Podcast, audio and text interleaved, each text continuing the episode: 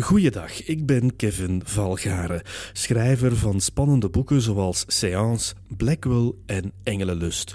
Ook ik wil graag mijn steentje bijdragen in deze moeilijke tijden waarin mensen zich noodgedwongen van elkaar moeten distancieren en de verveling soms genadeloos toeslaat. Meer dan een maand geleden besloten uitgeverij Lano en ik om die reden om dagelijks een hoofdstuk voor te lezen uit Seance, een bovennatuurlijke thriller die in 2016 verscheen.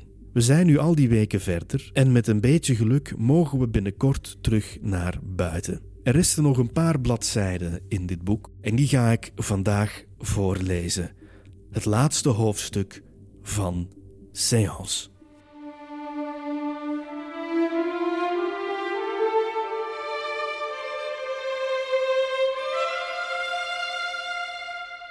Hoofdstuk 23 Het leven is een reis die aanvangt met een lege koffer. Het gewicht dat we bij het verglijden der jaren met ons meenemen, is dat van onafgeloste schuld. Dat besef ik nu, maar om dat te weten te komen, moest ik eerst sterven. En zo, trouwe lezer, die volharding heeft getoond door bij me te blijven tijdens het vertellen van mijn geschiedenis, neem ik u nog één keer mee naar het ogenblik waarop wij elkaar voor het eerst hebben ontmoet. Naar die slaapkamer op de bovenste verdieping van nummer 17 Gough Square. Naar het bed waar ik een groot deel van mijn leven heb geslapen en waar ik op de grijze lentenamiddag van 4 april 1919 een gruwelijke dood stierf. Ik was voldoende onderwezen in de geneeskunde om te beseffen dat de kanker mijn hersenen aan het aantasten was.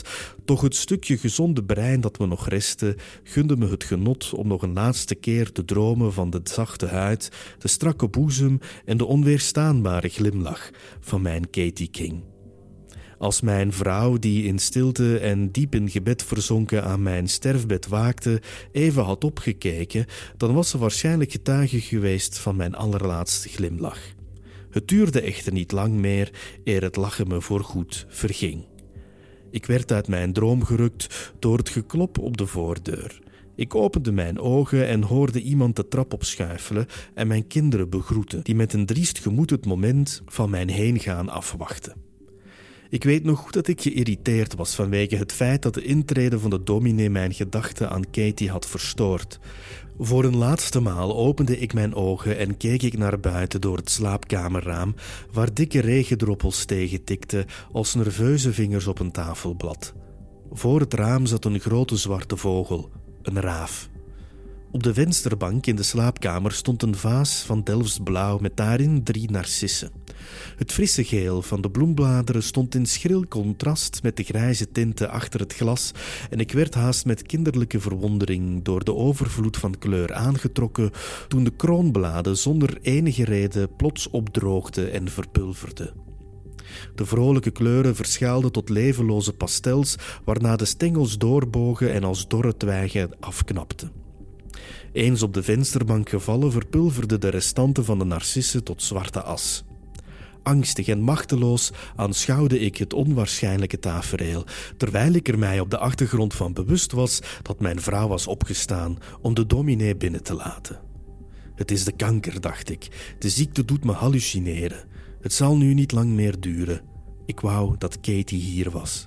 Gebiologeerd met grote ogen waarvan het wit was vergeeld en dooraderd, keek ik naar de neerdwarrelende assen en observeerde ik hoe er uit de assen een zwarte mist werd geboren. Droog ijs. Maar hoe kan men droog ijs een zwarte kleur geven?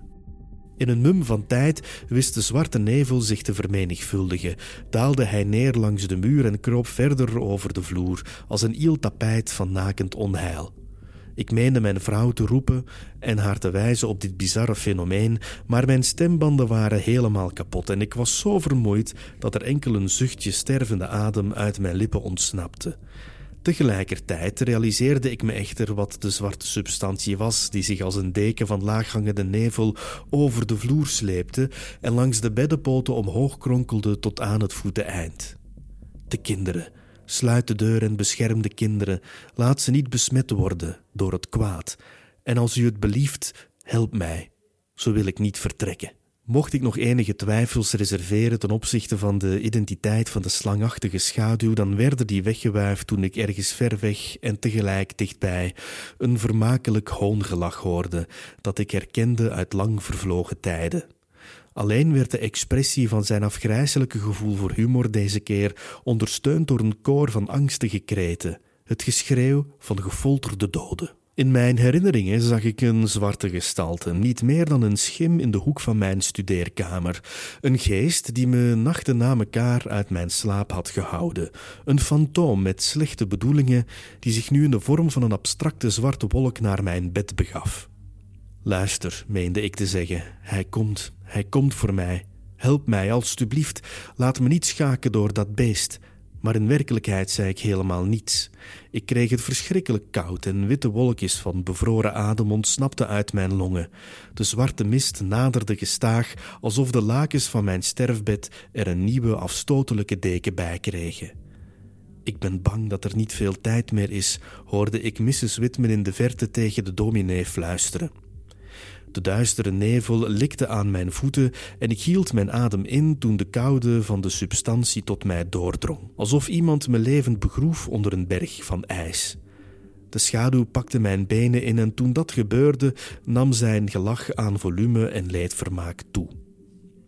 Het liefst wilde ik mij uit bed werpen, maar de ziekte had me zodanig verzwakt dat enige poging om me te bevrijden van de wurgende nevel bij voorbaat een maat voor niets was. Ik kon geen kant op en moest leidzaam ondergaan hoe de zwarte massa mijn onderbuik en vervolgens mijn torso inpalmde. De mist kroop verder tot aan mijn kin en als versteend bleef ik liggen, tevergeefs happend naar adem. De mist stronk mijn mondholte en mijn neusgaten binnen, terwijl schildvers van ijs zich vastklemden aan de binnenkant van mijn longen. Net voor het kwaad mijn ogen bedekte, wierp ik nog een laatste blik op mijn respectabele vrouw, die sinds mijn inzinking onvoorwaardelijk aan mijn zijde had gestaan, ofschoon ik zoveel goedheid nooit had verdiend. Er was een laatste opstoot van energie in een verziekt lichaam. Ik begon te gillen door de zwarte mist heen, die zich vastbeet in mijn lichaam. Mijn kreten van angst voegden zich bij het demonische hongelach en het pijnlijke gejammer van de gefolterde. De mist had mij helemaal ingepakt als een spin die haar prooi conserveert in de strakke verpakking van haar rag. Het fantoom woog als een brok steen op mijn waardeloze borst en ik voelde mijn hart voor een laatste maal het zieke bloed door mijn lichaam stuwen. Het drong maar al te goed tot me door dat het moment daar was en dat ik niet moest hopen op een pastelblauwe hemel met comfortabele wolken, witte vleugels waarmee ik van wolk naar wolk kon fladderen of heerlijke rijstepap waarvan ik kon smullen met een gouden lepeltje.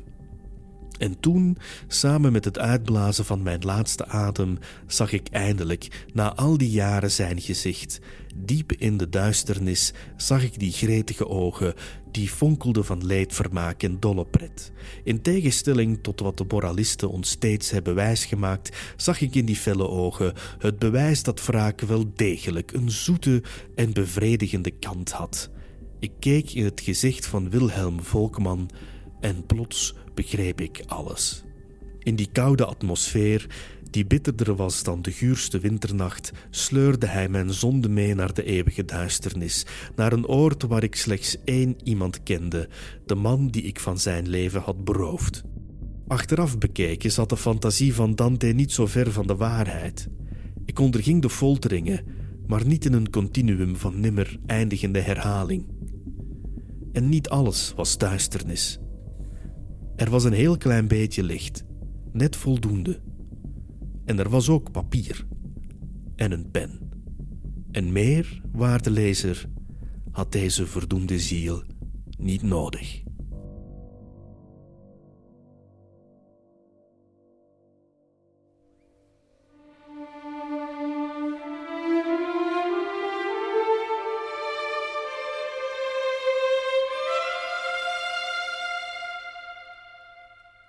Nawoord. In het najaar van 1873 en de eerste helft van 1874 voerde de chemicus William Crookes experimenten uit op het medium Florence Cook en de geest Katie King. In een reeks gewichtige artikelen toonde hij aan dat de bovennatuurlijke gave van Florence Cook wel degelijk authentiek was.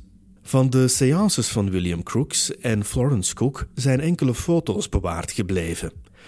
Op de foto die mij het meest intrigeert staat Crookes arm in arm met de zogenaamde Katie King. Het piepjonge meisje draagt een wit gewaad dat veel te groot is voor haar, terwijl haar kapsel wordt bedekt door een linnen doek. Ze houdt haar ogen gesloten en met de vingers van haar vrije hand betast ze haar slaap, alsof ze zich ten volle concentreert op de materialisatie. Op de achtergrond kan men het gordijn van haar kabinet waarnemen. Vandaag de dag maak je niemand meer wijs dat er op die foto een echte geest afgebeeld staat. En toch heeft William Crookes nooit willen toegeven dat zijn onderzoek geen steek hield. Waarom?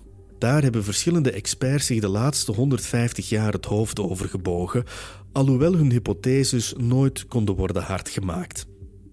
De foto die ik hierboven heb beschreven was eigendom van Crookes zelf en in zijn handschrift staat er onder de afbeelding het volgende te lezen. Round her she made an atmosphere of life. The very air seemed lighter from her eyes. They were so soft and beautiful and rife with all we can imagine from the skies. Her overpowering presence made you feel it would not be idolatry to kneel. Het is een door Crookes geschreven variatie op enkele regels van Lord Byron's Don Juan. Het feit dat deze zinnen door hem werden geschreven onder een afbeelding van Katie King zegt waarschijnlijk meer dan alle boeken en artikelen die reeds over het onderwerp werden gepubliceerd. Seance is mijn interpretatie van die materie. Het is hier niet de bedoeling om uit de doeken te doen waar de fictie in het boek het overneemt van de waarheid, maar voor de geïnteresseerde, er is hier en daar wel iets over te vinden op het internet. De betrouwbaardere informatie geeft zich gewonnen in de vele boeken die ik graag heb geraadpleegd tijdens het schrijfproces. Hieronder een opsomming van de drie belangrijkste. Van Trevor H. All. The Spiritualists. The Story of Florence Cook en William Crookes uitgegeven door Helix Press in 1962. The History of Spiritualism van Sir Arthur Conan Doyle. In 1926 door Kessel Company uitgegeven in Londen. The Elements of Murder, A History of Poison in 2005 uitgegeven door Oxford University Press en geschreven door John Elmsley omdat seance werk van fictie is en de karakters van de personages op de fantasiestoelen van uw nobele dienaar, achtte ik het raadzaam om de namen van William Crookes en Florence Cook te wijzigen, omdat Francis Whitman en Elizabeth Archer geen waarachtige representatie zijn van de personen waarop ze zijn gebaseerd. In eerste instantie is schrijven een proces van eenzame arbeid, maar nadat de eerste versie van een manuscript is afgewerkt, worden er vaak enkele vrienden en experts bijgehaald die er niet voor terugschrikken om hun waardevolle opmerkingen te laten gelden.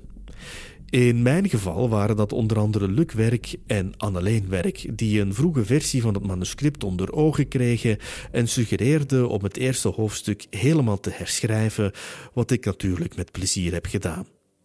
Brenda van der Rauwera en Ron Asselman waren een van de eerste die het hele manuscript hebben doorgenomen en hun correcties en opmerkingen zijn haast op elke pagina van het eindresultaat terug te vinden. Datzelfde geldt voor het voortreffelijke werk van mijn redacteur Sanne Jans. Geen enkele schrijver kan zonder de begeleiding van een professional als Sanne. Zij heeft ervoor gezorgd dat Seance beter is geworden dan ik ooit had kunnen wensen. Ik ben hun daarom enorm veel dank verschuldigd en dat geldt ook voor mijn uitgevers, Maaike van Hoeken, Johan Gijsels en de andere mensen van Lano die betrokken waren bij het tot stand komen van dit boek. Een belangrijke vermelding verdienen ook Marjolein Haak en Jan van Gansbeke, die de tekst hebben doen blinken en het niet erg vonden om daarvoor ook de moeilijk bereikbare plekjes op te poetsen. Maar ook u, gerespecteerde lezer, verdient een concert met de loftrompet. Ik zie u graag en hopelijk heb ik u beroofd van enkele uren broodnodige nachtrust. Tot slot, zoals gewoonlijk, moet ik nog een heel speciaal iemand noemen en bedanken. Evelien Werk is de eerste lezer en haar opmerkingen zijn alomtegenwoordig in de boeken die ik schrijf. Ze moet al zes jaar leidzaam toezien hoe ik mij bijna iedere avond afzonder in mijn eigen wereld en dat dwingt respect af. Schrijversvrouwen zijn uit een taai hout gesneden, veel taaier dan dat van de schrijver zelf. Daarom wil ik u vragen om het boek nu aan de kant te leggen om voor haar een bescheiden applaus te berde te brengen. Ik beloof u dat ik haar dadelijk op mijn eigen manier zal bedanken. Kevin Valgaren, Leuven, 23 november 2015. Dat was het. Seance is uit. Koester uw gezondheid en geniet van het leven. Voor meer informatie over mijn boeken kan u terecht op www.krvalgaren.com. Als u toch graag een papieren versie van Seance in handen wilt krijgen, dat kan nog steeds. Het boek is verkrijgbaar in de winkel. Ik dank u van harte voor het luisteren. Ik hoop dat ik uw tijd een beetje aangenaam heb kunnen invullen. Ik wens u nog een goede gezondheid toe en hopelijk tot gauw. Dag.